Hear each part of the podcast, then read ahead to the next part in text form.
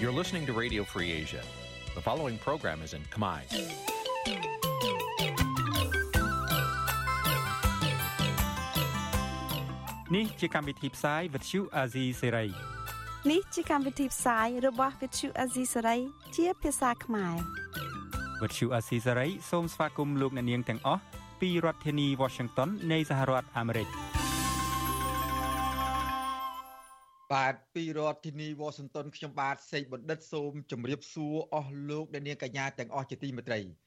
បាទយើងខ្ញុំសូមជូនកម្មវិធីផ្សាយសម្រាប់រាត្រីថ្ងៃសៅរ៍5រោចខែកដិកឆ្នាំថោះបញ្ញស័កពុទ្ធសករាជ2567ត្រូវនៅថ្ងៃទី2ខែធ្នូគ្រិស្តសករាជ2023បាទជាដំបូងនេះសូមអញ្ជើញអស់លោកអ្នកនាងស្ដាប់ព័ត៌មានប្រចាំថ្ងៃដែលមានមេតិការដូចតទៅ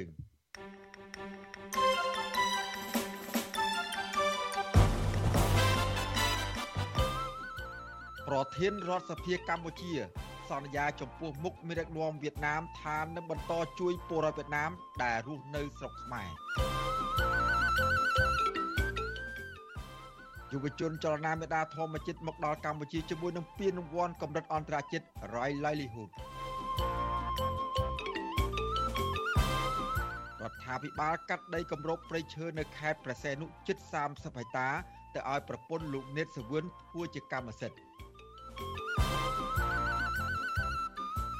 សង្គមស៊ីវិលបារម្ភពីករណីបង្ខាំងមនុស្សនិងចាប់ចម្រិតផ្ទុះឡើងវិញនៅកម្ពុជារួមនឹងព័ត៌មានសំខាន់សំខាន់មួយចំនួនទៀត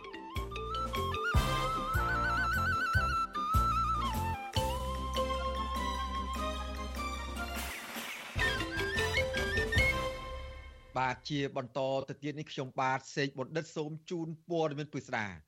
បាទលោកនាងកញ្ញាជាទីមេត្រី ប្រធានរដ្ឋសភាកម្ពុជាថ្មី សន្យាចំពោះមុខមេដឹកនាំវៀតណាមថានឹងបន្តជួយពលរដ្ឋវៀតណាម ដែលកំពុងរស់នៅស្រុកខ្មែរហើយខ្វះឯកសារផ្លូវច្បាប់បាទការសន្យានេះត្រូវបានមន្ត្រីគណៈបកប្រឆាំងនិងអ្នកខ្លំមើលសង្គមយល់ឃើញថា ជាហានិភ័យសម្រាប់កម្ពុជា ដែលមានព្រំប្រទល់ជាប់ជាមួយនឹងប្រទេសវៀតណាម បាទយើងប្រកុលនេតិនេះជូនដល់កញ្ញាលក្ខណារាយការណ៍អំពីរឿងនេះប្រធានរដ្ឋសភាកម្ពុជាថ្មីអ្នកស្រីខួនសូដារី បានសន្យាចំពោះមុខប្រធានរដ្ឋសភាវៀតណាមថានឹងបន្តជួយដល់ពលរដ្ឋវៀតណាមដែលរស់នៅខ្មែរពាក់ព័ន្ធនឹងការខ្វះឯកសារផ្លូវច្បាប់ស្របពេលពលរដ្ឋវៀតណាមមួយចំនួន បានចូលសញ្ជាតិខ្មែរនិងជាង100,000នាក់ទៀតទទួលបានបានស្នាក់នៅអចិន្ត្រៃយ៍ ការសន្យានេះធ្វើឡើងក្នុងជំនួបទ្វេភាគីរវាង ប្រធានរដ្ឋសភាវៀតណាម លោកវឿងដេញហ្វេ និងប្រធានរដ្ឋសភាថ្មីកម្ពុជា អ្នកស្រីខួនសូដារី នៅថ្ងៃទី1ធ្នូអំឡុងពេលអ្នកស្រីខួនសូដារី ទៅបំពេញទស្សនកិច្ចជាផ្លូវការនិងចូលរួមកិច្ចប្រជុំកំពូលសភាកម្ពុជាឡាវវៀតណាម នៅទីក្រុងហាណូយថ្ងៃទី30វិច្ឆិកាដល់ថ្ងៃទី2ធ្នូ សារព័ត៌មានវៀតណាមផ្លូសឲ្យដឹងថា ក្នុងជំនួបនោះប្រធានរដ្ឋសភាវៀតណាមបានអបអរចំពោះជោគជ័យរបស់គណបកប្រជាជនកម្ពុជា ដោយរំពឹងថាជោគជ័យនេះនឹងបង្កើនទំនាក់ទំនងបែបប្រពៃណីរបស់កម្ពុជានិងវៀតណាមកាន់តែល្អប្រសើរឡើង ក្រៅពីអបអរជោគជ័យគណបកកាន់អំណាចនោះ ប្រធានរដ្ឋសភាវៀតណាម លោកវឿងដិនហ្វេ បានស្នើប្រធានរដ្ឋសភាកម្ពុជា អ្នកស្រីខួនសូដារីឲ្យបន្តផ្ដល់បរិយាកាសអំណោយផលសម្រាប់សមាគមវៀតណាម ដែលកំពុងរស់នៅនិងធ្វើការក្នុងប្រទេសកម្ពុជាជុំវិញរឿងនេះទីប្រឹក្សាគណៈបកកម្លាំងជាតិលោករងឈុនប្រាប់វិសុអេស៊ីសេរីនៅថ្ងៃទី2ធ្នូថា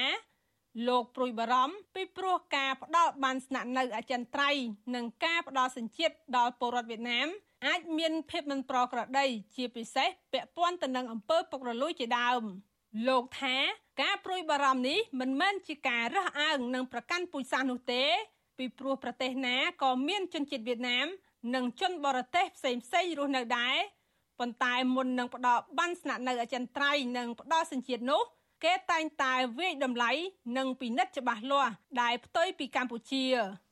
លោករងឈុនក៏បានស្នើរដ្ឋាភិបាលកម្ពុជាពិនិត្យមើលនិងអន្តរាគមន៍ទៅមេដឹកនាំវៀតណាមឲ្យបញ្ឈប់ធ្វើទុកបុកម្នេញលើពលរដ្ឋខ្មែរក្រោមនិងពលរដ្ឋខ្មែរដែលចូលទៅលេងទឹកដីកម្ពុជាក្រោមបន្តទៀត មានការរដ្ឋបတ်ការគៀបសង្កត់អសពបែបយ៉ាងហើយរដ្ឋាភិបាលមិនដែលលឺសូរការស្នើសុំទៅនឹងអាជ្ញាធរវៀតណាមឲ្យគោរពឲ្យយកចិត្តទុកដាក់ផ្ដល់សិទ្ធិដល់ខ្មែរក្រមអនុទេអានេះវាជាចំណុចខុសគ្នាបើយើងធៀបពីមេដឹកនាំកម្ពុជាទៅនឹងមេដឹកនាំវៀតណាមជារឿយរឿយមេដឹកនាំវៀតណាមតែងតែស្នើឲ្យរដ្ឋាភិបាលកម្ពុជា ជួយមើលថែនិងផ្ដល់ភាពស្របច្បាប់ដល់ពលរដ្ឋវៀតណាម ដែលកំពុងរស់នៅកម្ពុជាកន្លងមក និងបច្ចុប្បន្នផ្ទុយទៅវិញមេដឹកនាំកម្ពុជាមិនដែលស្នើសុំឲ្យរដ្ឋាភិបាលវៀតណាមឲ្យគោរពនិងយកចិត្តទុកដាក់ចំពោះពលរដ្ឋខ្មែរក្រោមដែលកំពុងរស់នៅក្រោមការគៀបសង្កត់របស់អាជ្ញាធរវៀតណាមឬពលរដ្ឋខ្មែរដែលចូលទៅលេងទឹកដីកម្ពុជាក្រោមម្ដងម្កាលនោះឡើយ កាលពីថ្ងៃទី6តុលាអាជ្ញាធរវៀតណាម បានខាត់រថយន្តក្រុងចំនួន3គ្រឿងរបស់ពុទ្ធបរិស័ទនិងព្រះសង្ឃខ្មែរជាច្រើនម៉ោងដោយពួកគាត់គ្រាន់តែធ្វើដំណើរទៅប្រពៃពិធីកាន់បិណ្ឌនៅវត្តខ្នៅកំបុតក្នុងខេត្តព្រះតាពាំងកាលនោះអាញាធរវៀតណាមថែមទាំងចុះទៅហាមឃាត់អ្នកលក់ដូរនិងបាយម្ហូបកុំឲ្យលក់ឲ្យពលរដ្ឋខ្មែរនិងព្រះសង្ឃថែមទៀតលើសពីនេះ អាញាធរវៀតណាមតែងតែធ្វើទុកបុកម្នេញលើពលរដ្ឋខ្មែរក្រោមដូចជាការគំរាមកំហែងប្រើអំពើហិង្សានិងចាប់ដាក់ពន្ធនាគារជាដើម បន្ទាប់ពីពួកគាត់តស៊ូមតិរក្សាអត្តសញ្ញាណជាតិជនជាតិដើមខ្មែរក្រោមនិងរៀនច្បាប់ស្តីពីសិទ្ធិមនុស្សនិងសិទ្ធិជនជាតិដើមប៉ុន្តែករណីទាំងនេះរដ្ឋាភិបាលក្រោមការដឹកនាំដោយលោកហ៊ុនសែននិងលោកហ៊ុនម៉ាណែតបែរជានៅស្ងៀមទៅវិញ ប្រធានក្រុមប្រឹក្សាឃ្លាំមើលកម្ពុជាលោកម៉ែនណាតប្រាប់វិសុអាស៊ីសេរីនៅថ្ងៃទី2ធ្នូថារដ្ឋាភិបាលកម្ពុជាមិនហ៊ានបដិសេធចំពោះសំណើវៀតណាមឡើយដោយសារតែលោកហ៊ុនសែនធ្លាប់ចុះហត្ថលេខាលើឯកសារសារាចរណែនាំចំពោះនិគមនិជនវៀតណាមកាលពីឆ្នាំ1986ដោយថែរក្សាជនជាតិវៀតណាមរស់នៅខុសច្បាប់នៅកម្ពុជាឲ្យមានសិទ្ធិដូចពលរដ្ឋខ្មែរដែរ មេដំណំសភាខួនសូដារីក្តីហ៊ុនម៉ាណែតក្តីហ៊ុនសែនក្តីហ្នឹងពួកគាត់ត្រូវមានការភ្ញាក់រលឹកដើម្បីការពារ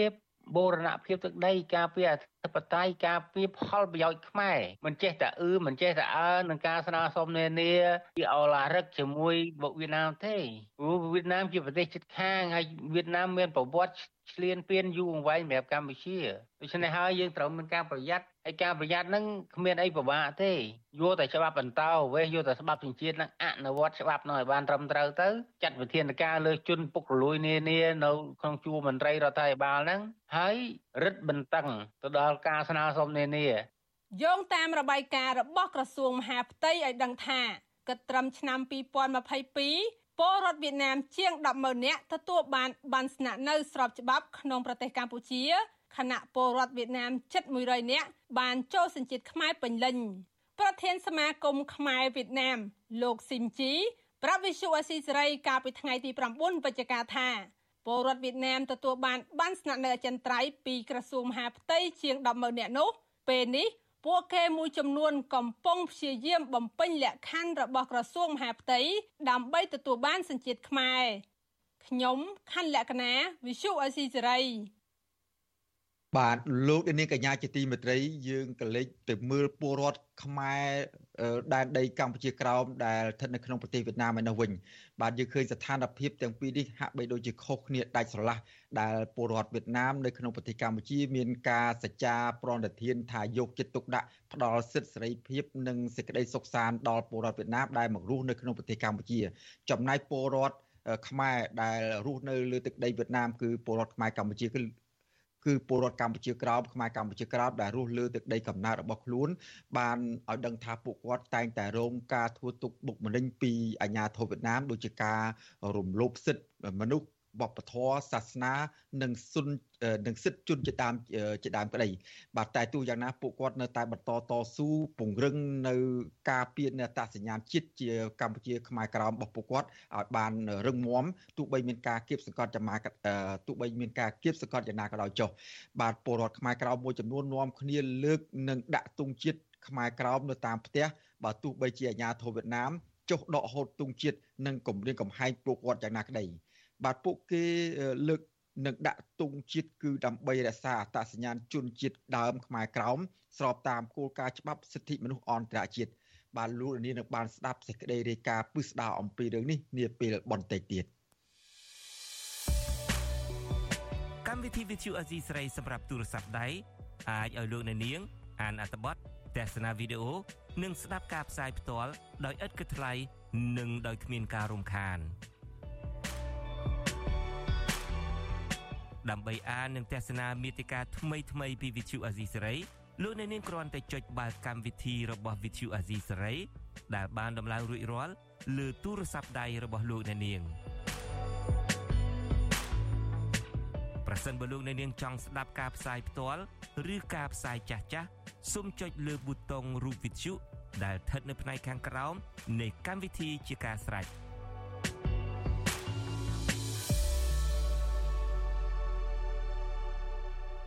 បាទលោកនាងកញ្ញាជាទីមេត្រីយុវជនចលនាមេដាធម្មជាតិបានត្រឡប់មកដល់ប្រទេសកម្ពុជាវិញជាមួយនឹងពានរង្វាន់ដែលមានតម្លៃប្រហាក់ប្រហែលនឹងពានរង្វាន់ Nobel សន្តិភាព គឺពានរង្វាន់ Royal Livelihood ពីប្រទេសស៊ុយអែតបាទមន្ត្រីអង្គការសង្គមស៊ីវិលអបអរសាទរចំពោះពានរង្វាន់ដែលកើតចេញពីការលះបង់របស់ក្រមយុវជនចលនាមេដាធម្មជាតិចំពោះការការពារបរិស្ថាននិងសិទ្ធិមនុស្ស បាទយើងប្រកូលនៅទីនេះជូនដល់លោកយុនសមៀនរាយការណ៍អំពីរឿងនេះពីរដ្ឋធានីវ៉ាស៊ីនតោនក្រមយុវជនចលនាមេដាធម្មជាតិចំនួន3នាក់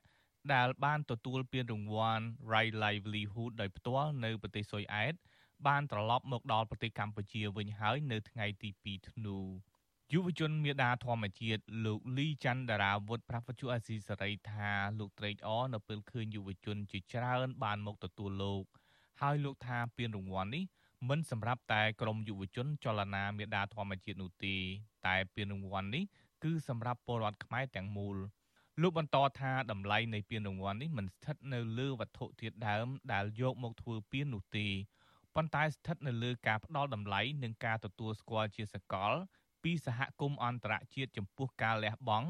និងសេចក្តីក្លាហានរបស់ក្រមយុវជនចលនាមេដាធម្មជាតិចំពោះការការពារបរិស្ថាននិងសិទ្ធិមនុស្ស ជារួមមកគឺសប្បាយចិត្តដែលឃើញមានអ្នកមកញ៉ាំទទួលហើយក៏សប្បាយចិត្តដែលទទួលបានពានរង្វាន់ដូចគ្នាហើយមួយទៀតហ្នឹងពានរង្វាន់ហ្នឹងគឺនៅពេលដែលយើងទទួលបានពានហ្នឹងហើយយើងក៏ចាប់ផ្ដើមមានអាចនិយាយថាមានឈ្មោះជាមុនមានគេស្គាល់ច្រើនជាមុនវាជួយដល់ការងាររបស់យើងក្នុងការការពារបរិស្ថានដែរលោកលីច័ន្ទដារាវុធបន្ថែមថាការទទួលស្គាល់តម្លៃនៃការលះបង់របស់យុវជននិងការផ្ដល់ពានរង្វាន់កម្រិតអន្តរជាតិនេះ សបញ្ជាក់ថាសកម្មភាពរបស់យុវជនចលនាមេដាធម្មជាតិនាពេលកន្លងទៅ មិនមែនជាអំពើខុសច្បាប់ដោយការចោទប្រកាន់របស់តុលាការនោះទេបាទហ្នឹងហើយពេលហ្នឹងគឺវាបង្ហាញអំពីការដែលថាយើងចូលរួមការពារបរិស្ថានឬក៏ចូលរួមធ្វើសកម្មភាពដើម្បីលើកស្ទួយសិទ្ធិមនុស្សនិងលទ្ធិជាតិអបដៃហ្នឹងគឺមិនមែនជាអំពើខុសច្បាប់ទេពេលទៅវិញគឺជាអំពើដែលពិភពលោកទទួលស្គាល់ហើយមានតែលើកទឹកចិត្តឲ្យចូលរួមទៀត យុវជននិងសកម្មជនបរិស្ថានជិត20នាក់បានរងចាំទទួលក្រុមចលនាមេដាធម្មជាតិនៅប្រលានយន្តហោះអន្តរជាតិភ្នំពេញ ដោយមានបាច់ផ្កាកុលាបពណ៌ក្រហមមកជាមួយក្នុងនោះយុវជនមួយចំនួនពាក់អាវកោះកុងក្រៅដូចទៅនឹងអាវដែលក្រុមយុវជនមេដាធម្មជាតិឡើងទទួលពានរង្វាន់ Right Livelihood ចំណែកឯយុវជនចលនាមេដាធម្មជាតិកញ្ញាភួងកែវរស្មី ដែលមិនបានទៅទទួលពានរង្វាន់ដោយផ្ទាល់ប្រពន្ធអាស៊ីសេរីថាការផ្ដល់ពានរង្វាន់កម្រិតអន្តរជាតិនេះគឺបានបញ្ជាក់ថាសកម្មភាពការពារបរិស្ថាននិងធនធានធម្មជាតិរបស់ចលនាមេដាធម្មជាតិមិនមែនជាអំពើខុសច្បាប់នោះទេរ ង្វាន់នេះគឺជាពានរង្វាន់មួយដែលបង្ហាញពីភាពស្អាតស្អំរបស់សកម្មជនចលនាមេដាធម្មជាតិក៏ដូចជាភាគីពាក់ព័ន្ធទាំងអស់ជាពិសេសយុវជនខ្មែរប្រជាពលរដ្ឋខ្មែរដែលគាត់តែងតែផ្ដល់ទំនុកចិត្តនៅលើការងារ ក្នុងការការពារបរិស្ថានរបស់ចលនាមេដាធម្មជាតិហើយនេះមិនមែនជាពានរង្វាន់លើកទី1ដែលយើងទទួលបានទេយើងធ្លាប់ទទួលបានពានរង្វាន់ Frontline Defender ហើយនេះគឺជាពានរង្វាន់ Right Livelihood ជាពានរង្វាន់ទី2ប៉ុន្តែសម្រាប់ចលនាមេដាធម្មជាតិគឺពានរង្វាន់ដែលធំជាងគេសម្រាប់ពួកយើងគឺការគ្រប់គ្រងរបស់ប្រជាជនខ្មែរការចូលរួមពីយុវជនខ្មែរហើយនិងការផ្ដល់យុត្តិធម៌ដោយប្រជាជាតិទាំងមូល កញ្ញាសោកស្ដាយចំពោះរដ្ឋាភិបាលដឹកនាំដោយលោកនាយករដ្ឋមន្ត្រីហ៊ុនម៉ាណែតដែលមិនបានគាំទ្រនិងលើកទឹកចិត្តចំពោះការទទួលពានរង្វាន់កម្រិតអន្តរជាតិមួយនេះស្របពេលលោកហ៊ុនម៉ាណែតតែងតែបង្ហោះសារអបអរសាទរចំពោះកីឡាករនិងពលរដ្ឋខ្មែរដែលទទួលបានពានរង្វាន់កម្រិតថ្នាក់តំបន់ឬអន្តរជាតិជុំវិញរឿងនេះប្រធានផ្នែកកម្មវិធីនឹងតស៊ូមតិនៃសមាគមបណ្ដាញយុវជនកម្ពុជា លោកហេងកឹមហុង ប្រាប់វិទ្យុអាស៊ីសេរីថាលោកសបាយរីករាយនៅពេលឃើញយុវជនទទួលបានពានរង្វាន់កម្រិតអន្តរជាតិក្រោយពីពួកគេបានលះបង់ពេលវេលាផ្ទាល់ខ្លួន ខិតខំការពារបរិស្ថាននិងធនធានធម្មជាតិ ខ្ញុំសង្ឃឹមថាការទទួលបានពានរង្វាន់របស់ក្រមយុវជនចលនាមេដាធម្មជាតិនេះនឹងក្លាយទៅជាសារបង្ហាញឲ្យរដ្ឋាភិបាលទម្លាក់ចោលបាត់ចោលចំពោះពួកគេពីព្រោះអ្វីដែលពួកគេធ្វើនេះមិនមែនជារឿងមួយដែលសម្រាប់តែនរណាម្នាក់ទេបាទគឺសម្រាប់ពិភពលោកទាំងមូលហើយត្រូវបានគេកត់សម្គាល់មកទល់ពេលនេះក្រមយុវជនមេដាធម្មជាតិបានទទួលពានរង្វាន់ចំនួន3ហើយ ពីក្រុមអង្គការសង្គមស៊ីវិលក្នុងស្រុកនិងអន្តរជាតិបន្ទាប់ពីតុលាការបានដោះលែងក្រុមយុវជនចលនាមេដាធម្មជាតិឲ្យនៅក្រៅឃុំបណ្ដោះអាសន្នកាលពីខែវិច្ឆិកាឆ្នាំ2021កន្លងទៅខ្ញុំយុនសាមៀនវិទ្យុអាស៊ីសេរីប្រធានាធិបតី Washington បាទលោកនាងកញ្ញាជាទីមេត្រីជាបន្តទៅទៀតនេះយើងមកកលេចមើលស្ថានភាពរបស់ក្រមកោតកោ Nagawal វិញម្ដង បាទសមាជិកសហជីព Nagawal 4នាក់ទទូចឲ្យស្នងការដ្ឋាននគរបាលរាជធានីភ្នំពេញជួយអន្តរាគមន៍ឲ្យពួកគាត់ចូលធ្វើការវិញនិងស្នើឲ្យអាជ្ញាធរចាត់វិធានការតាមផ្លូវច្បាប់លើថៅកែក្រុមហ៊ុន Nagawal បាទពួកគាត់អះអាងថាថៅកែ Nagawal មានចេតនារើសអើងសមាជិកសហជីព និងបង្ខាំងមនុស្សឲ្យបញ្ចប់កិច្ចសន្យាការងារដោយខុសច្បាប់បាទសូមស្ដាប់សេចក្តីរាយការណ៍អំពីរឿងនេះរបស់លោកយ៉ងច័ន្ទរាពីរដ្ឋធានី Washington សមាជិកសហជីព Nagawal 4នាក់រួមមានកញ្ញាជឹមរដ្ឋាកញ្ញាទួនយូរីកញ្ញាប៉ុនស្រីចិន្តានិងកញ្ញាសៀកកញ្ញា ស្នើឲ្យស្នងការដ្ឋាននគរបាលរាជធានីភ្នំពេញអនុវត្តច្បាប់ឲ្យមានតម្លាភាពដើម្បីធានាដល់សមាជិកសហជីពចូលធ្វើការនៅក្រុមហ៊ុន Nagawal ដោយពុំមានករណីបង្ខាំងបុគ្គលិកសមាជិកសហជីព Nagawal កញ្ញាជឹមរដ្ឋាប្រាប់វិទ្យុអាស៊ីសេរីនៅថ្ងៃទី2ខែធ្នូថាកញ្ញានិងសមាជិកសហជីព3នាក់ទៀតត្រូវថៅកែក្រុមហ៊ុន Nagawal បញ្ឈប់ពីកន្លែងការងារបន្ទាប់ពីកញ្ញាមិនព្រមចុះហត្ថលេខាលើកិច្ចសន្យាបញ្ចប់ការងារ កញ្ញាបន្តថាចាប់តាំងពីថ្ងៃដែលថៅកែក្រុមហ៊ុន Nagawal បង្ខំនិងបង្ខាំងមនុស្សឲ្យបញ្ចប់កិច្ចសន្យាការងារមកស្នងការដ្ឋាននគរបាលរាជធានីភ្នំពេញ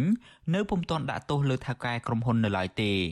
គាត់ឲ្យពួកខ្ញុំចូលទៅធ្វើការក្នុងក្រុមហ៊ុនវិញទេហើយពេលដែលខ្ញុំផ្ទាល់ជាបុគ្គលិកដែលជួបគ្រឿងហ្នឹងអយុធធម៌បែបហ្នឹងហើយគេបខំខ្ញុំហើយគេដកឱកាសខ្ញុំអញ្ចឹងហើយគេបែកខាងភាគីក្រុមហ៊ុនបែរជាទៅស្រ័យបំភ្លឺជាមួយនឹងក្នុងការដ្ឋាននគរបាលរាជធានីភ្នំពេញថាអត់មានបានបខំបុគ្គលិកណាម្នាក់ឲ្យសញ្ញាបញ្ចប់ទៅសន្យាទេបើបុគ្គលិកនឹងព្រមសញ្ញាគេគាត់លួចឲ្យតែបុគ្គលិកនឹងអត់ព្រមសញ្ញាគេឲ្យធ្វើការវិញដដែលតែដល់ពេលខ្ញុំខ្ញុំអត់ព្រមសញ្ញាដែរគេដកឱកាសការងារខ្ញុំហើយគេប្រឈប់នឹងតែអយុធធម៌អញ្ចឹងខ្ញុំឃើញថានេះជារូបភាពផ្អើលចង់បំបត្តិលេងថាជា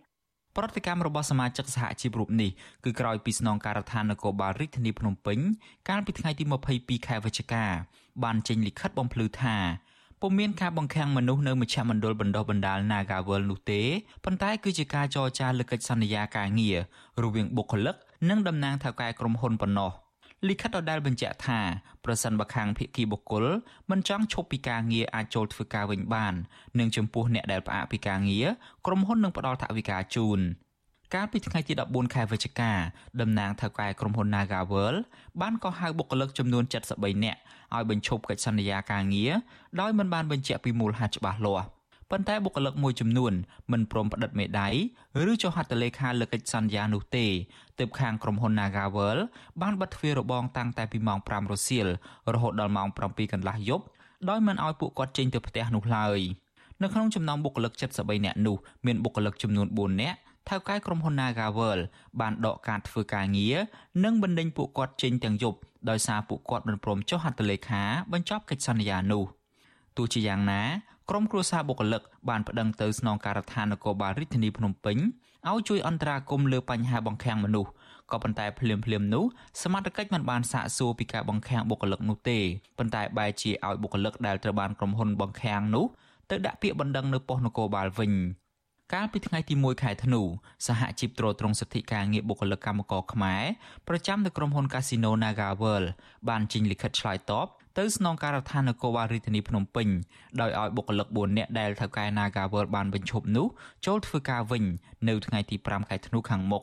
លិខិតដដែលបានស្នើឲ្យស្នងការដ្ឋាននគរបាលនិងក្រសួងការងារធ្វើការដោយដំណាភាពកុំលំអៀងទៅរកភាគីថៅកែក្រុមហ៊ុន Naga World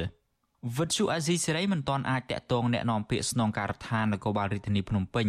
លោកសំវិជ្ជការនិងអ្នកនាំពាក្យក្រសួងការងារលោកកតាអូនដើម្បីសាកសួរបន្ថែមអំពីរឿងនេះបានទេ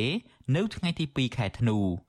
ជុំវិញបញ្ហានេះប្រធានសហព័ន្ធសហជីពកម្មករចំណីអាហារនិងសេវាកម្មកម្ពុជា អ្នកស្រីឧទេផលីនមានប្រសាសន៍ថា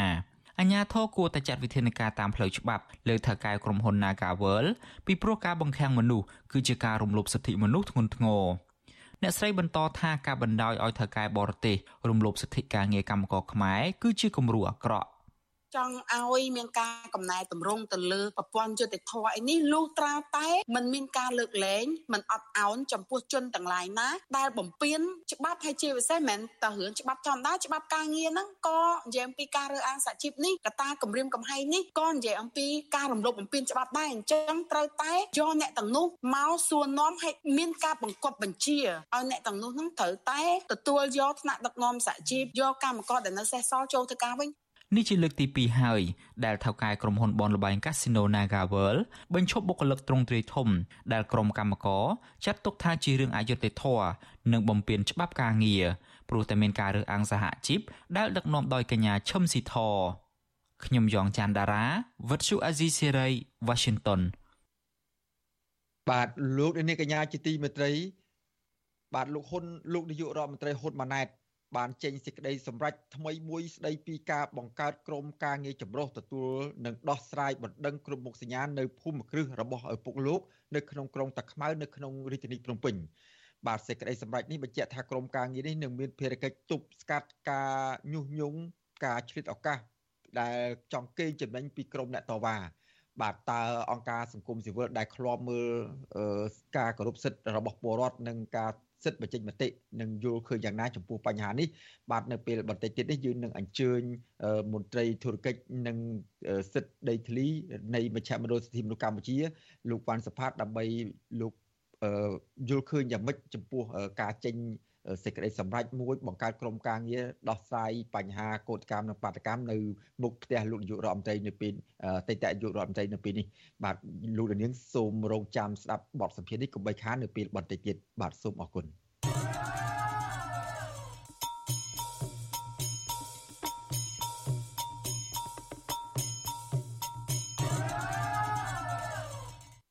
បាទលោកនាងកញ្ញាជាទីមេត្រីឥឡូវនេះយើងងាកទៅឯខេត្តសៀមរាបឯនោះវិញបាទពលរដ្ឋរស់នៅភូមិបុរាណនៅក្នុងតំបន់អង្គរសោកសង្រេងនៅពេលនឹកទៅដល់ភូមិកំណើតដែលធ្លាប់រស់នៅ ក្រោយពេលដែលពួកគេត្រូវបានអាជ្ញាធរជំលះចេញទាំងបង្ខំដើម្បីឲ្យទៅរស់នៅកន្លែងថ្មីតាមការរៀបចំរបស់អាជ្ញាធរជាតិអប្សរាបាទសូមលោករនាងទស្សនាសេចក្តីរាយការណ៍របស់លោកលេងម៉ាលីអំពីរឿងនេះដូចតទៅ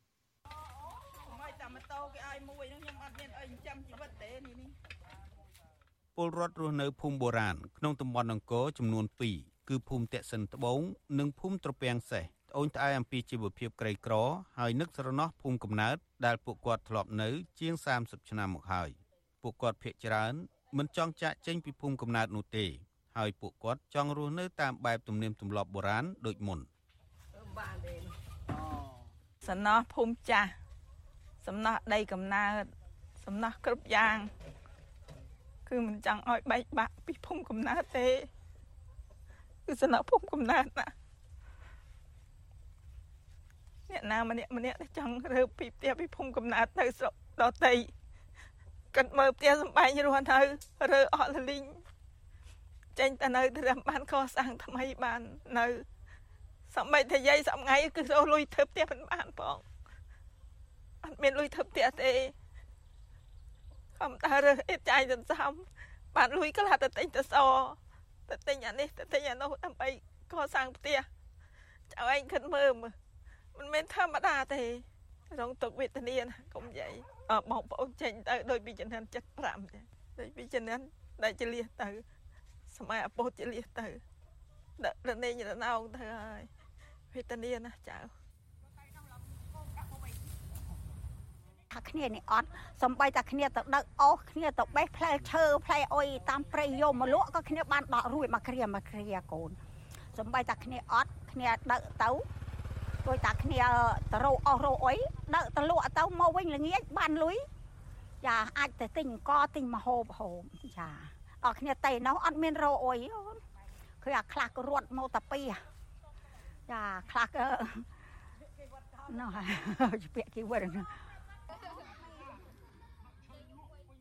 ជុំវិញរឿងនេះចៅសង្កាត់គោកចកអ្នកស្រីឈិនសាវីប្រាប់វិទ្យុអស៊ីសេរីតាមសារអេឡិចត្រូនិកយ៉ាងខ្លីថាគិតត្រឹមថ្ងៃទី29ខែវិច្ឆិកាមានពលរដ្ឋជិត90%ក្នុងចំណោមពលរដ្ឋជាង5000គ្រួសារដែលរស់នៅជាប់តំបន់អង្គរក្នុងឃុំគោកចកបានស្ម័គ្រចិត្តចាក់ចេញទៅរស់នៅតំបន់រុនតាឯកហើយមានពលរដ្ឋតិចតួចប៉ុណ្ណោះមិនទាន់ចាក់ចេញដោយសារតែពួកគាត់មានឈ្មោះទៅនៅភូមិពាក់ស្នែង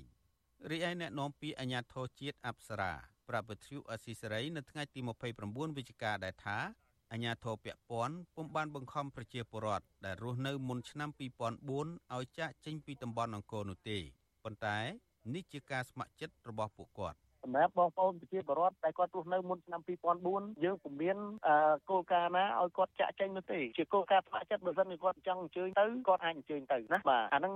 ដដែលដដែលទៅគោលការណ៍របស់យើងនិយាយដដែលដដែលមានស្អីផ្សេងថែមទៀតភូមិតេសិនត្បូងនិងភូមិត្រពាំងសេះនៅជាប់នឹងប្រាសាទអង្គរវត្តដែលមានព័ទ្ធជុំវិញទៅដោយព្រៃឈើនិងវាលស្រែចម្ការហើយមានប្រជាពលរដ្ឋរស់នៅជាង200គ្រួសារ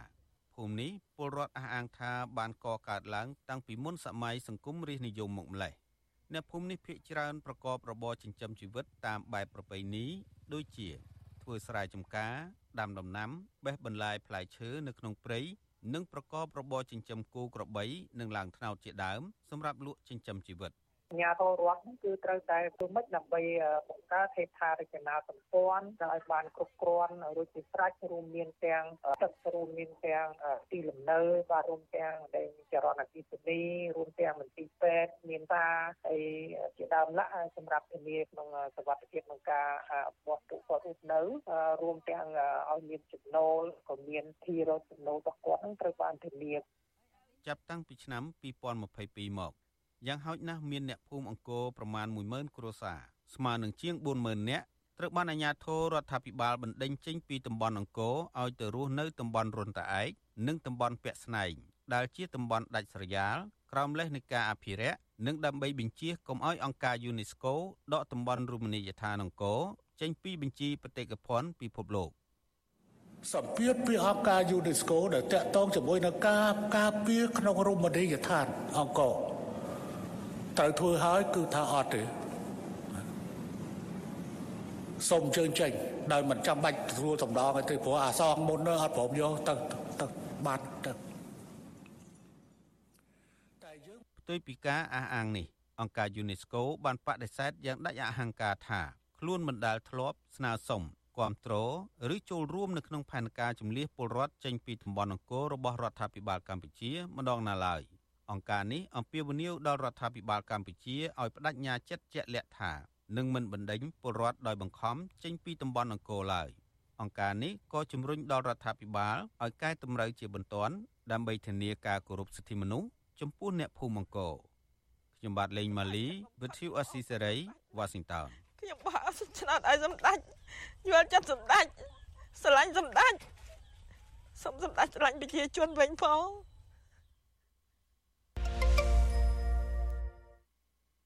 បាទលោកនាងកញ្ញាជាទីមេត្រីជាបន្តទៅទៀតនេះយើងក្រឡេកទៅមើលស្ថានភាពរបស់មន្ត្រីគណៈបកប្រឆាំងដែល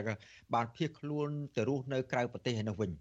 បាទជនភៀសខ្លួនរបស់គណៈបកប្រឆាំងនឹងនាំគ្នាដាក់ពាក្យប្តឹងទៅស្ថាប័នពាក់ព័ន្ធជាពិសេសរដ្ឋាភិបាលប្រទេសម៉ាឡេស៊ីឲ្យជួយការពារសុវត្ថិភាពក្រោយពេលប៉ូលីសប្រទេសនេះមួយក្រុមតាមគម្រាមកំហែងនិងប៉ុនប៉ងចាប់ពួកគេតាម ការស្នើរបស់អាជ្ញាធរក្រុងភ្នំពេញបាទមន្ត្រីសិទ្ធិមនុស្សទទូចឲ្យអាជ្ញាធរបញ្ឈប់រូបភាព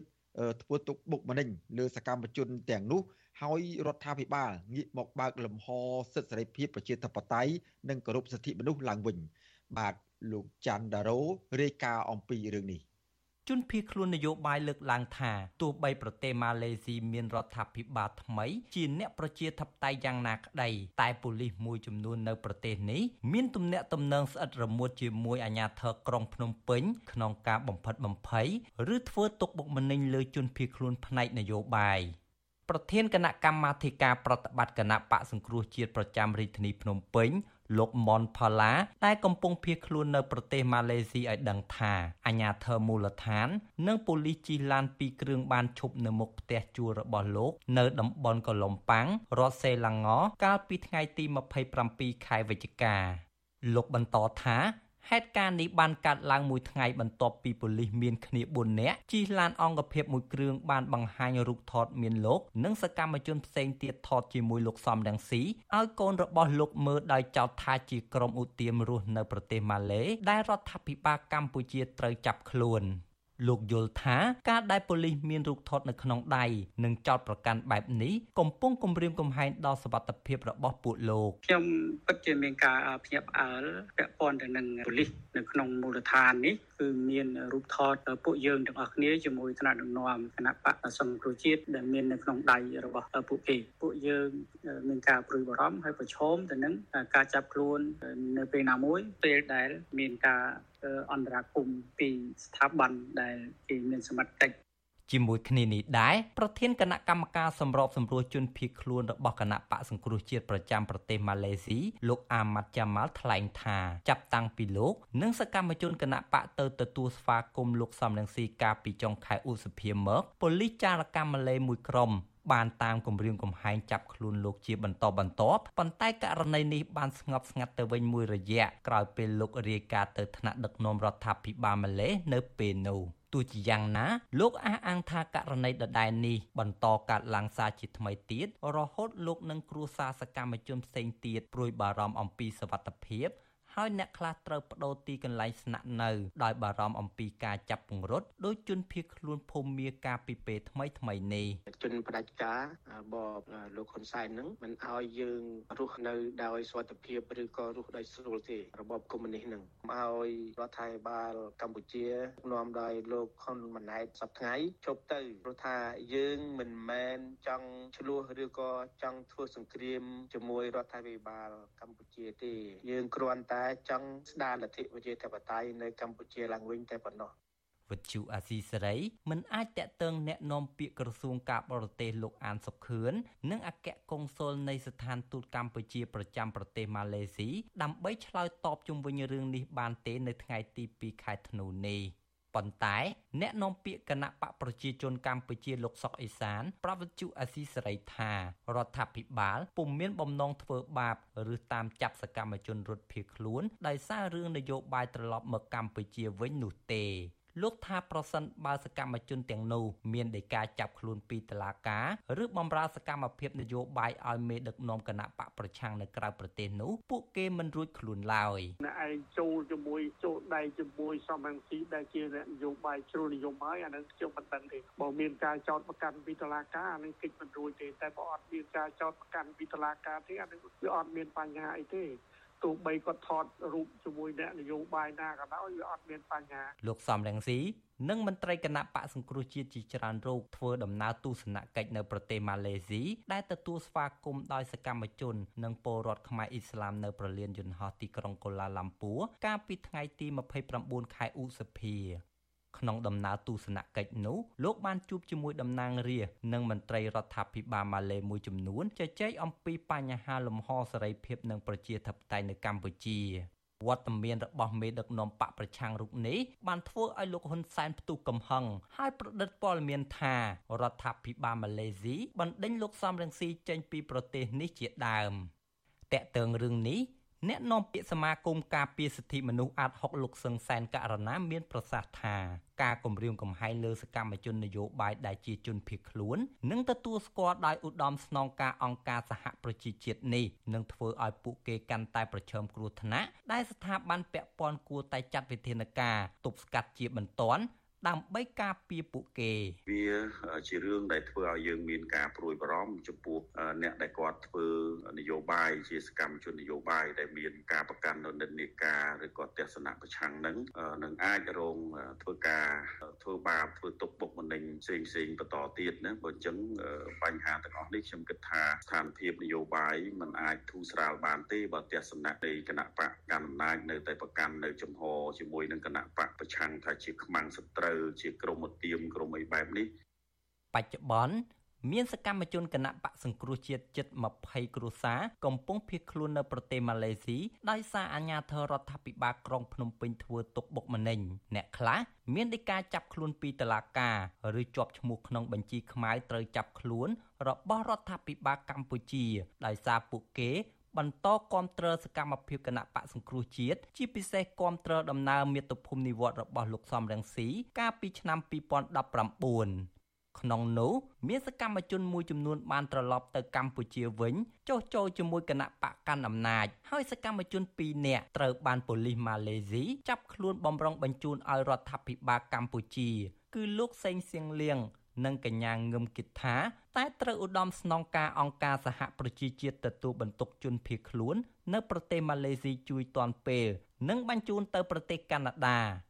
ខ្ញុំបាទច័ន្ទដារោវុទ្ធុអាស៊ីសេរី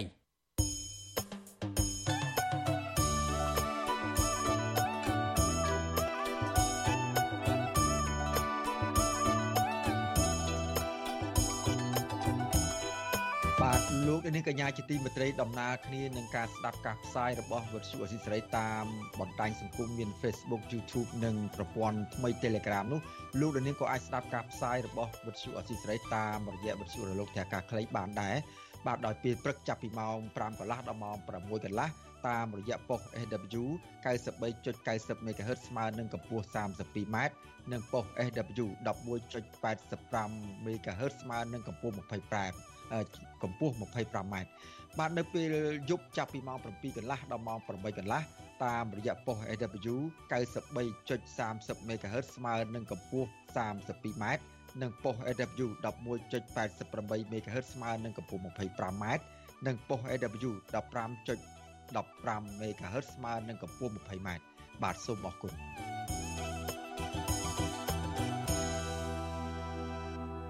បាទមន្ត្រីអង្គការសង្គមស៊ីវិលបារម្ភពីការផ្ទុះឡើងវិញនៅករណីឆបបោកតាមប្រព័ន្ធអនឡាញការចាប់ចម្រិត និងបង្ខាំងមនុស្សនៅទឹកដីកម្ពុជា បន្ទាប់ពីអាជ្ញាធរបានបង្ក្រាបករណីទាំងនោះជាបន្តបន្ទាប់កាលពីខែវិច្ឆិកាកន្លងទៅបាទពួកគាត់ជំរុញឲ្យរដ្ឋាភិបាលនិងអាជ្ញាធរត្រូវបង្កើនការទប់ស្កាត់និងបង្ក្រាបឲ្យបានតឹងរឹងដើម្បីកុំឲ្យប៉ះពាល់ទៅដល់វិស័យទេសចរនិងការវិនិយោគនិងកិត្តិយសប្រទេសកម្ពុជាកាន់តែខ្លាំងជាងនេះទៅទៀត។ បាទលោកថាថៃរាយការណ៍អំពីរឿងនេះដូចតទៅមន្ត្រីសង្គមស៊ីវិលក៏សម្គាល់ថាបទល្មើសនៃការចាប់ចម្រិតនិងការបង្ខាំងធ្វើទរណកម្មមនុស្សនៅតែបន្តមានវត្តមាននៅលើទឹកដីប្រទេសកម្ពុជាដែលទាមទារឲ្យអាជ្ញាធរបង្កើនការទប់ស្កាត់និងបង្ក្រាបឲ្យកាន់តែខ្លាំងប្រធានមជ្ឈមណ្ឌលប្រជាពលរដ្ឋដើម្បីអភិវឌ្ឍនិងសន្តិភាពលោកយ៉ងកំឯងប្រាប់បទជអាស៊ីសេរីនៅថ្ងៃទី2ធ្នូថា ការបន្ទុះករណីចាប់ចម្រិតបង្ខាំងមនុស្សនៅពេលនេះគឺជាក្តីបារម្ភធំមួយក្នុងពេលដែលកម្ពុជាកំពុងទាក់ទាញភ្ញៀវទេសចរអន្តរជាតិនិងការវិនិយោគពីបរទេសលោកបន្តថាបើទោះបីជាករណីចាប់ចម្រិតទាំងមានទម្រង់ទ្រង់ទ្រាយតូចឬធំក្តីតែវានឹងជាឥទ្ធិពលអវិជ្ជមានទូលំទូលាយដែលនឹងប៉ះពាល់ដល់កិត្តិយសប្រទេសជាតិស្របពេលកម្ពុជាកំពុងមានកេរ្តិ៍ឈ្មោះមិនល្អក្នុងករណីនេះស្រាប់ ចឹងត្រូវតែមានប្រព័ន្ធដើម្បីផ្ដល់ព័ត៌មានថាបើសិនគេមានបញ្ហាហ្នឹងគេត្រូវផ្ដល់ព័ត៌មានមិនបាទត្រូវតែមានឲ្យគេមានលេខ hotline មានអីបាទហើយបើសិនណាគេ call ទៅបើមានករណីបែបហ្នឹង call ទៅត្រូវតែធ្វើអន្តរាគមន៍ឲ្យលឿនឲ្យទាន់ពេលវេលាបាទមិនអាចទុកចោលបានណាបាទនឹងបានទៅរួចហើយជាវិធានការបង្ការធ្វើម៉េចវិធានការបង្ការហ្នឹងគឺត្រូវតែធ្វើឲ្យបានម៉ត់ចត់ហើយនឹងឲ្យបានមានប្រសិទ្ធភាពខ្ពស់ដែរបាទតែតករណីកើតឡើងហើយគឺវាអាចជាពលមិនល្អបាទ ការព្រួយបារម្ភរបស់មន្ត្រីសង្គមស៊ីវិលរូបនេះគឺបន្ទាប់ពីអាជ្ញាធរបានបង្ក្រាបករណីបង្ខាំងមនុស្សនិងការចាប់ចម្រិតជាបន្តបន្ទាប់ក្នុងចំនួនមួយដ៏ច្រើនត្រឹមរយៈពេល1ខែក្នុងនោះរួមមានករណីកាលពីថ្ងៃទី30វិច្ឆិកាអាជ្ញាធរបានឃាត់ខ្លួនជនល្មើសចំនួន13នាក់ក្នុងនោះមានជនជាតិខ្មែរម្នាក់និងជនជាតិបង់ក្លាដេសចំនួន12នាក់នៅក្នុងខណ្ឌជ្រោយចង្វាររាជធានីភ្នំពេញដោយសង្គ្រោះបានជនជាតិចិន2នាក់ដោយឡែកកាលពីថ្ងៃទី20ខែវិច្ឆិកា សមត្ថកិច្ចនៅរាជធានីភ្នំពេញបានឃាត់ខ្លួនជនសង្ស័យចំនួន33នាក់មានជនជាតិខ្មែរចិនវៀតណាមពាក់ព័ន្ធនឹងករណីបង្ខាំងមនុស្សនិងបើកអនឡាញខុសច្បាប់និងករណីចាប់ជំរិតជាច្រើនផ្សេងទៀតវិទ្យុអាស៊ីសេរីមិនអាចតាក់ទងអ្នកនាំពាក្យក្រសួងមហាផ្ទៃលោកខៀវសុភ័ក្រនិងរដ្ឋលេខាធិការក្រសួងមហាផ្ទៃនិងជាអនុប្រធានអចិន្ត្រៃយ៍នៃគណៈកម្មាធិការជាតិប្រយុទ្ធប្រឆាំងអំពើជួញដូរមនុស្សអ្នកស្រីជូប៊ុនអេងដើម្បីសុំការបកស្រាយពីក្តីបារម្ភនេះបានទេ នៅថ្ងៃទី2ធ្នូ ទាក់ទិននឹងរឿងនេះនាយកទទួលបន្ទុកកិច្ចការទូតនៃអង្គការសិទ្ធិមនុស្សលីកាដូលោកអំសំអាតយល់ឃើញថាការបង្ក្រាបករណីទាំងនេះជាសញ្ញាបង្ហាញថាការជួញដូរនិងការបង្ខាំងមនុស្សនៅតែមានចំនួនច្រើនគួរឲ្យព្រួយបារម្ភលោកជំរុញឲ្យអាជ្ញាធរបង្កើនការស្រាវជ្រាវនិងបង្ក្រាបបទល្មើសទាំងនេះឲ្យអស់ជាពិសេសការរឹតបន្តឹងនិងការទប់ស្កាត់លំហូរចូលនៅឧក្រិដ្ឋកម្មឆ្លងដែនដែលភ្នាក់ច្រើនជាជនបរទេសជួលមកកម្ពុជាដើម្បីធ្វើសកម្មភាពខុសច្បាប់ទាំងនេះ ទី1គឺត្រូវតែរឹតបន្តឹងនៅក្នុងការអនុវត្តច្បាប់សម្រាប់កម្ពុជាទៅលើច្បាប់ស្តីអំពីអន្តរប្រវេសន៍នៃកម្ពុជាយើង បាទហើយទី2សហការជាមួយបណ្ដាប្រទេសជិតខាងដើម្បីទប់ស្កាត់កុំឲ្យមានលំហូរនៃអ ுக ្រិតជនចូលមកក្នុងប្រទេសកម្ពុជាហើយទី3សហការជាមួយប្រទេសក្នុងតំបន់និងអន្តរជាតិដើម្បីកំណត់នៃមុខសញ្ញាអ ுக ្រិតជនណាដើម្បីតាមខ្លំមើលឬក៏ធ្វើការទប់ស្កាត់ដើម្បីកុំឲ្យឆ្លងចូលនៅក្នុងប្រទេស កម្ពុជាយើងរបាយការណ៍របស់ការិយាល័យអង្គការសហប្រជាជាតិប្រឆាំងគ្រឿងញៀននិងឧក្រិដ្ឋកម្មចេញផ្សាយកាលពីខែកញ្ញាឆ្នាំ2023បង្ហាញថាប្រទេសកម្ពុជាស្ថិតក្នុងចំណោមប្រទេសនៅក្នុងតំបន់អាស៊ីអាគ្នេយ៍រួមមានឡាវនិងភូមា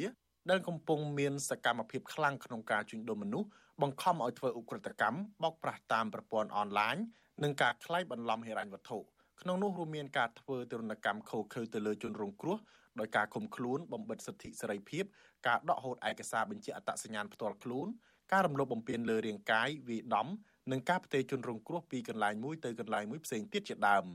របាយការណ៍ទាំងនេះបានបង្ហាញឲ្យឃើញថាកម្ពុជា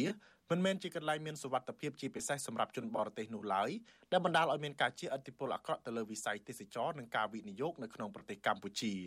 មន្ត្រីសង្គមស៊ីវិលថាមានតែការអនុវត្តច្បាប់ឲ្យបានតឹងរឹងដាក់ទោសទណ្ឌទៅលើជនល្មើស ការរឹតបន្តឹងច្បាប់អន្តោប្រវេសន៍និងការទប់ស្កាត់អ ுக ្រិតកម្មឆ្លងដែនតែប៉ុណ្ណោះទើបអាចរំដោះកម្ពុជាមិនឲ្យជនល្មើសយកធ្វើជាកន្លែងប្រព្រឹត្តអំពើខុសច្បាប់ឆោបោកចាប់ជំរិតនិងឃុំឃាំងមនុស្សតទៅទៀតខ្ញុំថាថៃពីទីក្រុងមែលប៊នបាទលោកនាងកញ្ញាជាទីមេត្រីឥឡូវនេះយើងងាកបំមើលបញ្ហាអភិវឌ្ឍនិងការរក្សាបរិស្ថានព្រៃឈើវិញម្ដងបាទដី គម្របព្រៃឈើជាច្រើនកន្លែងត្រូវបានលោកហ៊ុនសែនកាត់ដីព្រៃទាំងអស់នោះចែកជាបន្តបន្ទាប់ជាក់ស្ដែងកាលពីថ្ងៃទី12ខែកក្កដាលោកហ៊ុនសែនបានកាត់ដីព្រៃជិត30ហិកតាបន្ថែមទៀតឲ្យទៅប្រពន្ធរបស់លោកនេតសាវឿនគឺលោកស្រីហ៊ុនកំលែងដើម្បីធ្វើជាកម្មសិទ្ធិឯកជន បាទក្រមអ្នកស្រឡាញ់ធនធានធម្មជាតិយល់ឃើញថាដីគម្របព្រៃឈើនឹងបន្តបាត់បង់បន្ថែមទៀត ហើយគោលនយោបាយការពារធនធានធម្មជាតិរបស់រដ្ឋាភិបាលនឹងបរាជ័យបាទសូមស្ដាប់សេចក្តីរាយការណ៍របស់លោកជាតិចំណានអំពីរឿងនេះដូចតទៅរដ្ឋាភិបាលបានកាត់ដីគម្របព្រៃឈើឆ្នាំ2002ជិត30ហិកតាដែលស្ថិតនៅក្នុងភូមិកគីឃុំបិត្រាំងស្រុកព្រៃនប់ខេត្តព្រះវិហារទៅឲ្យក្មួយស្រីរបស់អតីតនាយករដ្ឋមន្ត្រីហ៊ុនសែនគឺអ្នកស្រីហ៊ុនកំលេងធ្វើជាកម្មសិទ្ធិឯកជននេះបើយោងតាមសិភើរាជក្រឹតដែលចេញផ្សាយកាលពីថ្ងៃទី29ខែវិច្ឆិកាកន្លងមក យុវជនម្នាក់ដែលតែងតែចុះល្បាតព្រៃឈើជាញឹកញាប់នៅតាមតំបន់ការពារធម្មជាតិគឺកញ្ញាស្រុនស្រីលក្ខប្រាប់វិសុវស៊ីស្រីនៅថ្ងៃទី2ខែធ្នូថាកញ្ញាសោកស្ដាយដែលរដ្ឋាភិបាលគ្មានឆន្ទៈពិតប្រាកដក្នុងការការពារនិងថែរក្សាធនធានធម្មជាតិនៅកម្ពុជាពីព្រោះរដ្ឋាភិបាលនៅតែបន្តកាត់ជ្រៀតដីគម្របព្រៃនៅតាមតំបន់ការពារទាំងនោះទៅឲ្យក្រុមហ៊ុនឯកជន និងបកពួកខ្សែស្រឡាយរបស់អ្នកកាន់អំណាចសពថ្ងៃនៅទៅ រដ្ឋាភិបាលសូមឲ្យនៅមានការពិចារណាឡើងវិញចំពោះការផ្ដល់សិទ្ធិក្នុងការឲ្យក្រុមហ៊ុនឯកជននិងក្នុងការកាត់កាប់ឬក៏មានសិទ្ធិក្នុងការទន្ទ្រានដីព្រៃនឹងដោយសារខ្ញុំមើលឃើញថាព្រៃឈើរបស់យើងគឺត្រូវបានបាត់បង់ហើយអញ្ចឹងនៅពេលដែលបាត់បង់អស់ហើយថាតើកូនចៅចំណងក្រោយបានអីទៀតវិសុវស៊ីសេរីមិនអាចតាក់ទងប្រធានអង្គភិបអ្នកនាំពាក្យរដ្ឋាភិបាលលោកប៉ែនប៊ុនណា និងអ្នកនាំពាក្យក្រសួងបរិស្ថានលោកផៃប៊ុនឈឿនដើម្បីសុំការអធិប្បាយបន្ថែមបានទេនៅថ្ងៃទី2ខែធ្នូដោយទូរស័ព្ទចូលតែគ្មានអ្នកទទួលជុំវិញរឿងនេះអ្នកសម្របសម្រួលគម្រោងធុរកិច្ចនិងសិទ្ធិមនុស្សរបស់មជ្ឈមណ្ឌលសិទ្ធិមនុស្សកម្ពុជាលោកវ៉ាន់សុផាតយល់ឃើញថាររដ្ឋាភិបាលកម្ពុជាត្រូវតែបញ្ឈប់ការផ្ដោតដីសាធារណៈឬដីគម្របព្រៃឈើ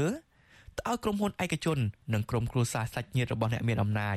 លោកព្រួយបារម្ភថារដ្ឋាភិបាលនឹងជួបវិបត្តិបរិស្ថានធ្ងន់ធ្ងរនៅថ្ងៃខាងមុខ ប្រសិនបើរដ្ឋាភិបាលនៅតែបន្តផ្ដោតដីសម្បត្តិសេដ្ឋកិច្ចក៏ដូចជាការកាត់ជ្រៀតដីព្រៃបែងចែកគ្នាតាមតែអំពើចិត្តបែបនេះ។ចឹងវាអត់មានស្អីថាយើងខាងជោគជ័យមិនអាហ្នឹងអត់មានជោគជ័យទេរាល់ថ្ងៃមើលឃើញដល់គ្នាចឹងណាហើយបើសិនជាមានការនឹងបន្តទៅទៀតទៅខ្ញុំថាអ្នកដែលរងផលប៉ះពាល់ធ្ងន់ជាងគេហ្នឹងគឺរដ្ឋយើងហ្នឹងហើយទី1ចឹងយើងគិតថានៃរាជរដ្ឋាភិបាលហ្នឹងគួរតែទៅហើយគួរតែធ្វើម៉េចដើម្បីអនុវត្តគោលនយោបាយក្នុងការទប់ នធាននៅខាងក្នុងឲ្យបានជាប់ឲ្យបានមានប្រសិទ្ធភាពចឹងទៅនេះមិនមែនជាលើកទី1នោះទេដែលអតីតនាយករដ្ឋមន្ត្រីកម្ពុជាលោកហ៊ុនសែនបានកាត់ដីព្រៃឬតំបន់ការពារដែលជាសម្បត្តិរបស់រដ្ឋទៅឲ្យក្រុមហ៊ុនឯកជននិងបកពួកខ្សែស្រឡាយនៅតាមជួររដ្ឋាភិបាលកាលពីខែមិថុនារដ្ឋាភិបាលនៃអតីតនាយករដ្ឋមន្ត្រីហ៊ុនសែនក៏បានកាត់ដីសាធារណៈរបស់រដ្ឋជិត1000ហិកតាទៅឲ្យក្រុមហ៊ុន C99 International Investment និងបានកាត់ដីព្រៃអូសៀនជិតសមុទ្រកោះរ៉ុង ជិត1000ហិកតាទៅឲ្យក្រុមហ៊ុនកូនរបស់លោកយមឆៃលីដែលជាដន្លងរបស់លោកដោយអះអាងថាដើម្បីធ្វើការអភិវឌ្ឍនៅក្នុងខែកក្កដាលោកហ៊ុនសែនក៏បានចុះហត្ថលេខាកាត់ជ្រៀតដីគម្របព្រៃឈើជិត500ហិកតាបន្ថែមទៀតដែលស្ថិតនៅក្នុងឃុំអូត្រេសស្រុកស្ទឹងហាវខេត្តព្រះសីហនុទៅឲ្យក្រុមហ៊ុនប៊ូយ៉ុងខ្មែរផងដែរ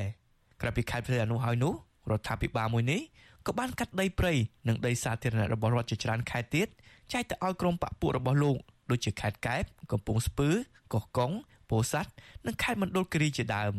ខ្ញុំបាទជាចំណាន Visual ស៊ីស្រីប្រធានាទី Washington បាទលោកនាងកញ្ញាជាទីមេត្រីប្រជាពលរដ្ឋខ្មែរក្រោមមួយចំនួននាំគ្នាលើកនិងដាក់តាំងទង់ជាតិខ្មែរក្រោមនៅតាមផ្ទះបើទោះបីជាអាញាធរវៀតណាមចុះដកហូតទង់ជាតិនិងគម្រាមកំហែងពួកគាត់យ៉ាងណាក្តី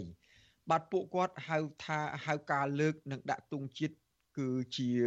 គឺដើម្បីរក្សាអត្តសញ្ញាណជាតិរបស់ខ្មែរក្រោមស្របតាមគោលការណ៍ច្បាប់សិទ្ធិមនុស្សអន្តរជាតិបាទលោកនាងនឹងបានស្ដាប់សេចក្តីរាយការណ៍ពិស្ដារអំពីរឿងនេះនៅពេលក្រោយទៀត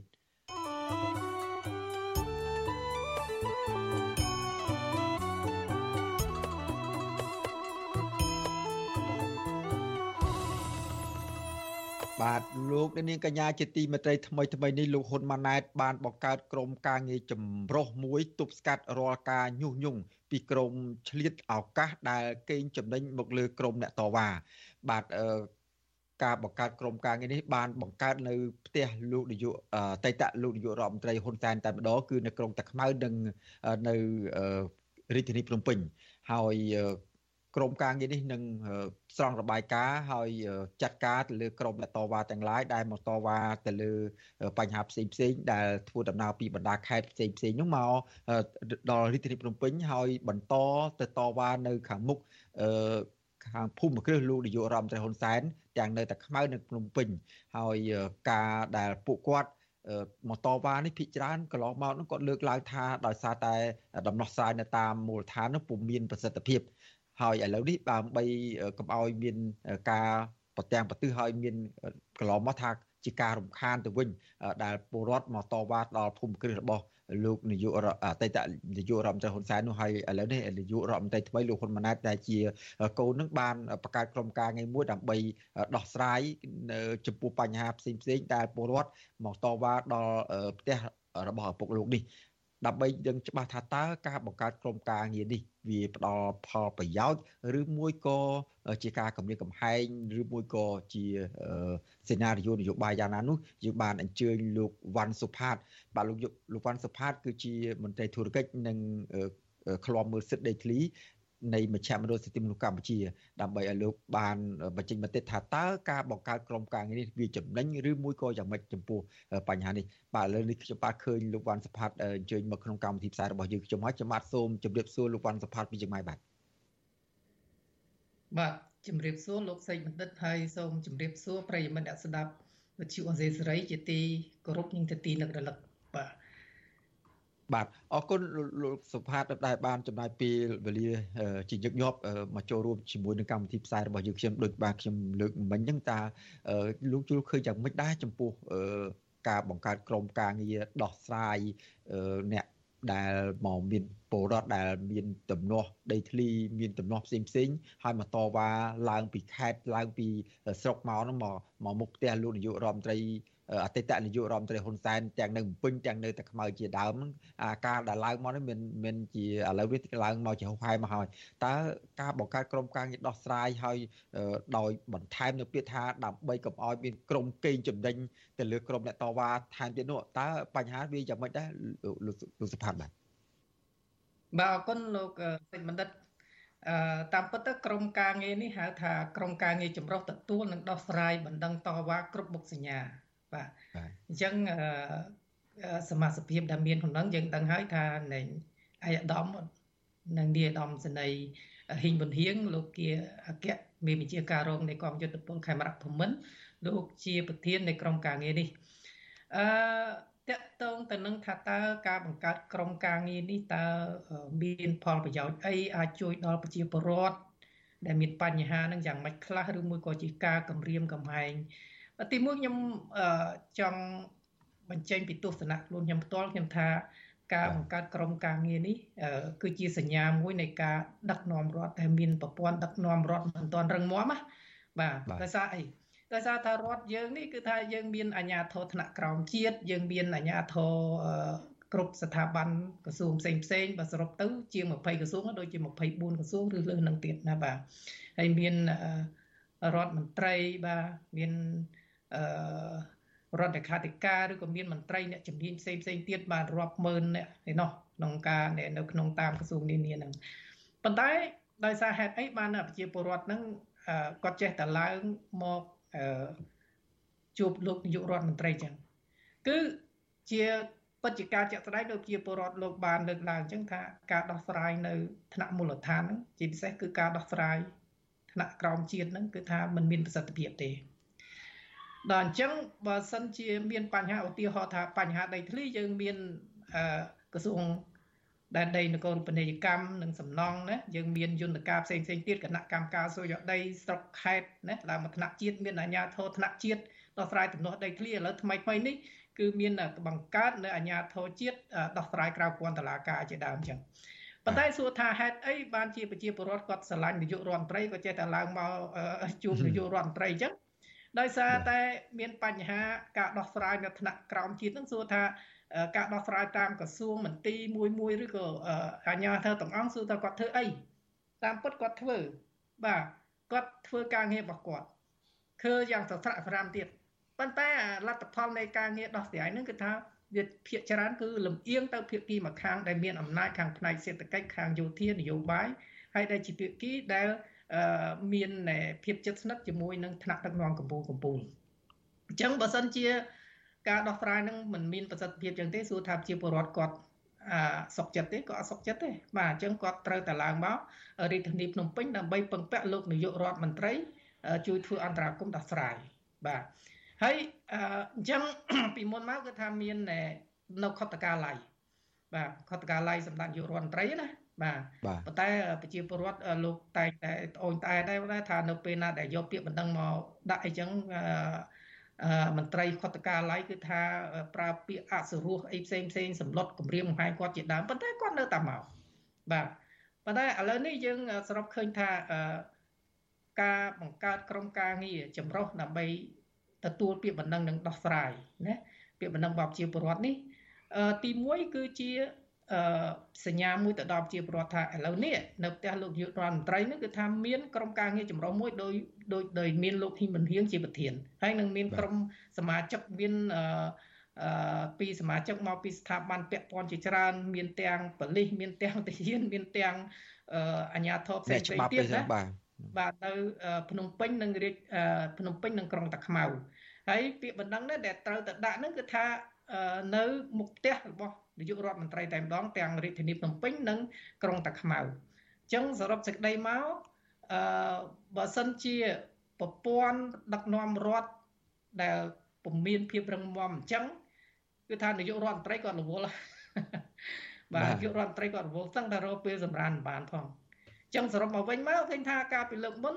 រឿងហ្នឹងគឺកើតឡើងតាំងពីរដ្ឋបាលអាណត្តិមុនម៉េះដែលសម្ដេចយុរដ្ឋមន្ត្រីអាណត្តិមុននោះលោកបានចេញជាអភិក្រមចំនួន5នោះមានអីខ្លះមានឆ្លុះកញ្ចក់មានងូតទឹកដោះក្អែលជាបាលវគ្គកាត់ដោយសារអីដោយសារតែភាពអសកម្មនៃមន្ត្រីដែលទទួលបន្ទុកស្ថាប័នមានសមត្ថកិច្ចទាំងអស់ហ្នឹងដោះស្រាយពុំមានប្រសិទ្ធភាពអញ្ចឹងសួរថាតើវាវាមានបញ្ហាអីបាទនៅត្រង់កន្លែងហ្នឹងអាហ្នឹងយើងពិចារណាអស់គ្នា មានអីពិបាកយល់ទេគាត់ថាដោះស្រាយមិនបានដោះស្រាយពុំមានប្រសិទ្ធភាពហើយឥឡូវនេះក្រុមការងារហ្នឹងដែលបង្កើតមកនេះគឺថាណែយើងថាជាសញ្ញាល្អមួយត្រង់ថាជាពលរដ្ឋក៏ដឹងថាបើទៅណែទៅទៅទៅកន្លែងណាហើយមានក្រុមការងារណាមានយន្តការណាមានស្ថាប័នណាជាអ្នកទទួលបាទប៉ុន្តែមួយទៀតក៏ជាសញ្ញាមួយដល់ប្រជាពលរដ្ឋដែរថាគួរប្រុងប្រយ័ត្នខ្ពស់ណានៅពេលនេះ ដែលពេលទៅនេះគឺថាតួនាទីរបស់ក្រមចម្រុះហ្នឹងមិនមែនតួនាទីតែទទួលពាក្យបណ្ដឹងហើយនឹងយកពាក្យបណ្ដឹងទៅចែកតាមស្ថាប័ននានាសការដើម្បីមានដំណោះស្រាយតែប៉ុណ្្នឹងទេគឺមានតួនាទីមួយទៀតគឺទប់ស្កាត់ក្រុមអ្នកតវ៉ាដែលមានគ្នាច្រើនណាដែលមានគ្នាច្រើនអញ្ចឹងកន្លែងហ្នឹងយើងប្រយ័ត្នប្រយែងបន្តិចណាព្រោះក្រុមការងារក្រុមចម្រុះនេះដូចខ្ញុំបានជម្រាបពីមុនអញ្ចឹងណាបាទថាមានសមត្ថកិច្ចមានអ្នកច្បាប់មាន ខាងក្រសួងយុតិធម៌មានប៉ូលីសមានខាង PM ណាមានខាងទាហានអីទៀតអញ្ចឹងយើងគួរតែប្រយ័ត្នប្រយែងកន្លែងហ្នឹងជៀសវាងកែលោមានបញ្ហាទីមួយទៅគឺវាអាចប៉ះពាល់ដល់សវត្ថិភាពរបស់ពួកគាត់ដែលគាត់មិនស្ដាប់ទៅតាមបណ្ដាការណែនាំហើយក្រែងនោះថាមកដើម្បីរកដំណោះស្រាយហើយបែរជាមិនបានដំណោះស្រាយបានជាពាក្យបណ្ដឹងចោតប្រកាន់ថាបះបោញុះញង់ឲ្យទៅវិញឬមួយក៏យ៉ាងម៉េចដែរបាទអឺទួនាទីរបស់ ក្រមចម្រុះនេះក៏មានចឹងដែរគឺថានឹងទប់ស្កាត់ចាត់វិធានការទៅលើគេហៅថាក្រមអ្នកជ្រុលនិយមជាដែលឆក់ឱកាសយកចំណេញទៅលើក្រុមអ្នកតវ៉ាអញ្ចឹងមិនដឹងថាអ្នកណាសម្ដៅទៅលើអ្នកណាប៉ុន្តែយើងគួរមានការព្រួយបារម្ភដែរសម្រាប់អង្គការសង្គមស៊ីវិលអ្នកសារព័ត៌មានព្រោះនៅពេលណាដែលមានប្រជាពលរដ្ឋគាត់មកចំនួនច្រើនច្រើនអញ្ចឹងកម្មករដែលគាត់មានមកចំនួនច្រើនច្រើនអញ្ចឹងគឺថាមានអ្នកសារព័ត៌មានគាត់មកតាមឃ្លាំមើលមានអង្គការសង្គមស៊ីវិលរួមទាំង UN អីចឹងគាត់មកតាមឃ្លាំមើលអញ្ចឹងយើងតើយើងចាត់ទុកជាអ្វីអញ្ចឹងរហូតមកដល់ពេលនេះខ្ញុំគិតថាណែប្រជាពលរដ្ឋអត់មានណាញុះញង់គាត់ទេគាត់ដឹងហ្មងបាទហើយយើងសរុបសេចក្តីទៅឃើញថាណែតួនាទីរបស់ណែក្រមចម្រុះនេះគឺថាមានពីរចំណុចហ្នឹងដែលយើងព្រួយបារម្ភណាទីទី1គឺថានៅពេលដែលគាត់មានតួនាទីទទួល ដោះស្រាយពាក្យបណ្ដឹងនិងសហការតាមស្ថាប័នផ្សេងផ្សេងទៀតអាហ្នឹងវាជារឿងល្អមួយប៉ុន្តែតួនាទីពីរទៀតដោយខ្ញុំបានលើកឡើងមកអញ្ចឹងថាទប់ស្កាត់ដែលអ្នកតវ៉ាដែលមានចំនួនច្រើនហើយនឹងទប់ស្កាត់អ្នកញុះញង់ដែលកេងចំណេញលើអ្នកតវ៉ាអាហ្នឹងដែលជាបញ្ហាដែលយើងព្រួយបារម្ភជា question mark ជា ដែលសញ្ញាសំណួរមួយថាតើនឹងកើតមានរឿងអ្វីណាចំពោះទាំងអរគុណលោកសុផាតឲ្យចំណុចមួយទៀតដែលខ្ញុំចង់ឲ្យលោកសុផាតបញ្ចេញមតិឬមួយក៏យល់ឃើញខ្លីដែរថាបើសិនជាគាត់មានចេតនាចង់ដោះស្រាយបញ្ហាប្រជាពលរដ្ឋដែលកំពុងមានទុក្ខលំបាកនោះមែននោះហេតុអីចាំបាច់មកបង្កើតការិយាល័យនៅផ្ទះអតីតនាយករដ្ឋមន្ត្រីនៅភ្នំពេញមិនមិនបង្កើត ក្រមការងារចម្រុះហ្នឹងមិនបង្កើតទៅដល់ខេត្តទៅដល់ក្រុងតែម្ដងទៅដើម្បីកុំឲ្យប្រជាពលរដ្ឋហ្នឹងហត់នឹងធ្វើដំណើរឡើងមកភ្នំពេញហត់នឹងសមត្ថកិច្ចតាមកាក់តាមផ្លូវទៀតហើយហត់នឹងអស់ហើយនឹងចំណាយពេលវេលាហើយខាត់ប្រាក់បែបអញ្ចឹងតាមខាត់ការងារថែមរដ្ឋមន្ត្រីលោកគាត់ចង់អញ្ចឹងទេរាល់ថ្ងៃលោកហត់នឿយណាស់សឹងថាមិនបានសម្រានផងកាលពីលើកមុនទៅប្រជុំនៅក្រៅប្រទេសនឹងយើងឃើញហើយលោកសំបីនៅលើយន្តហោះក៏លោកធ្វើការងារដែរប៉ុន្តែបាទហត់ដែរ ប៉ុន្តែដូចខ្ញុំបានលើកឡើងចឹងថាប្រព័ន្ធប្រព័ន្ធរដ្ឋមួយដែលពុំមានប្រព័ន្ធគ្រប់គ្រងរឹងមាំគឺថានាយករដ្ឋមន្ត្រីច្បាស់ជារវល់ហើយអញ្ចឹងអឺយើងគិតថាអ្វីទៅដែលបញ្ហានឹងកើតមានឡើងនៅពេលនេះគឺដោយសារអីហេតុអីបានជាពលរដ្ឋគាត់មកហេតុអីបានអ្នកអ្នកតវ៉ាចេះតែមកជួបនាយករដ្ឋមន្ត្រីដោយសារតែយើងមានយន្តការនឹងមានគេហៅមិនគេហៅថាណែ ជាប្រព័ន្ធរដ្ឋមួយដែលមានក្បាលធំណាតែមានច្រើនណាយន្តការក្នុងការដោះស្រាយដូចខ្ញុំបានលើកឡើងមិញចឹងអត់ចេះខ្វះទេហើយរឿងបញ្ហាអស់នេះខ្ញុំថាគណៈកម្មការសិទ្ធិមនុស្សមួយគឺជាអ្នកទទួលបន្ទុកសំខាន់ដែរហើយគណៈកម្មការសិទ្ធិមនុស្សលោកបានកើតបង្កើតនៃខាប្រព័ន្ធអនឡាញឬក៏ប្រព័ន្ធហៅទូរស័ព្ទទៀតបើប្រជាពលរដ្ឋណាមានបញ្ហា រំលោភសិទ្ធិមនុស្សអីអីហ្នឹងត្រូវបាទអរគុណទូរស័ព្ទទៅបាទលោកលោកស្ថាប័នសុផាតដោយសារតែពេលវេលាយើងអឺបានមកដល់ទីបញ្ចប់ហើយចង់មួយម៉ាត់ចុងក្រោយទេតើអាគណៈកម្មការចម្រុះចំពោះកិច្ចនឹងបង្កើតច្រើនដងហើយហើយគ្មានបានប្រយោជន៍ច្រើនដងហើយចុះអាលើកចុងក្រោយនេះអឺ2023 2024នេះលោកសុផាតមានសង្ឃឹមបានប៉ុណ្ណាដែរមើលទៅអឺនេះមិនមែនថាថាគណៈកម្មការចំពោះកិច្ចទេបើគណៈកម្មការចំពោះតិចមានន័យថាគេបង្កើតឡើងតាមរយៈពេលដែលមានព្រឹត្តិការណ៍កើតឡើងដោយ COVID-19 អញ្ចឹងណាប៉ុន្តែគណៈកម្មការនេះមានលក្ខណៈអចិន្ត្រៃយ៍ណាដែលបង្កើតដោយសេចក្តីសម្រាប់ប៉ុន្តែយើងសង្ឃឹមថាទោះបីយ៉ាងណាក៏ដោយសម្ដេចនាយករដ្ឋមន្ត្រីដែលមានមុខញញឹមដែលប្រជាពលរដ្ឋច្រើនតសើណាគឺថាលោកនឹងគិតគូរពីផលប្រយោជន៍ប្រជាពលរដ្ឋជៀសវាងមិនអោយ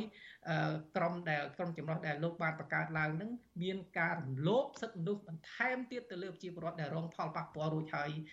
ដែលប៉ះពាល់ដោយសារការរំលោភសិទ្ធិមនុស្សរួចហើយនោះទេ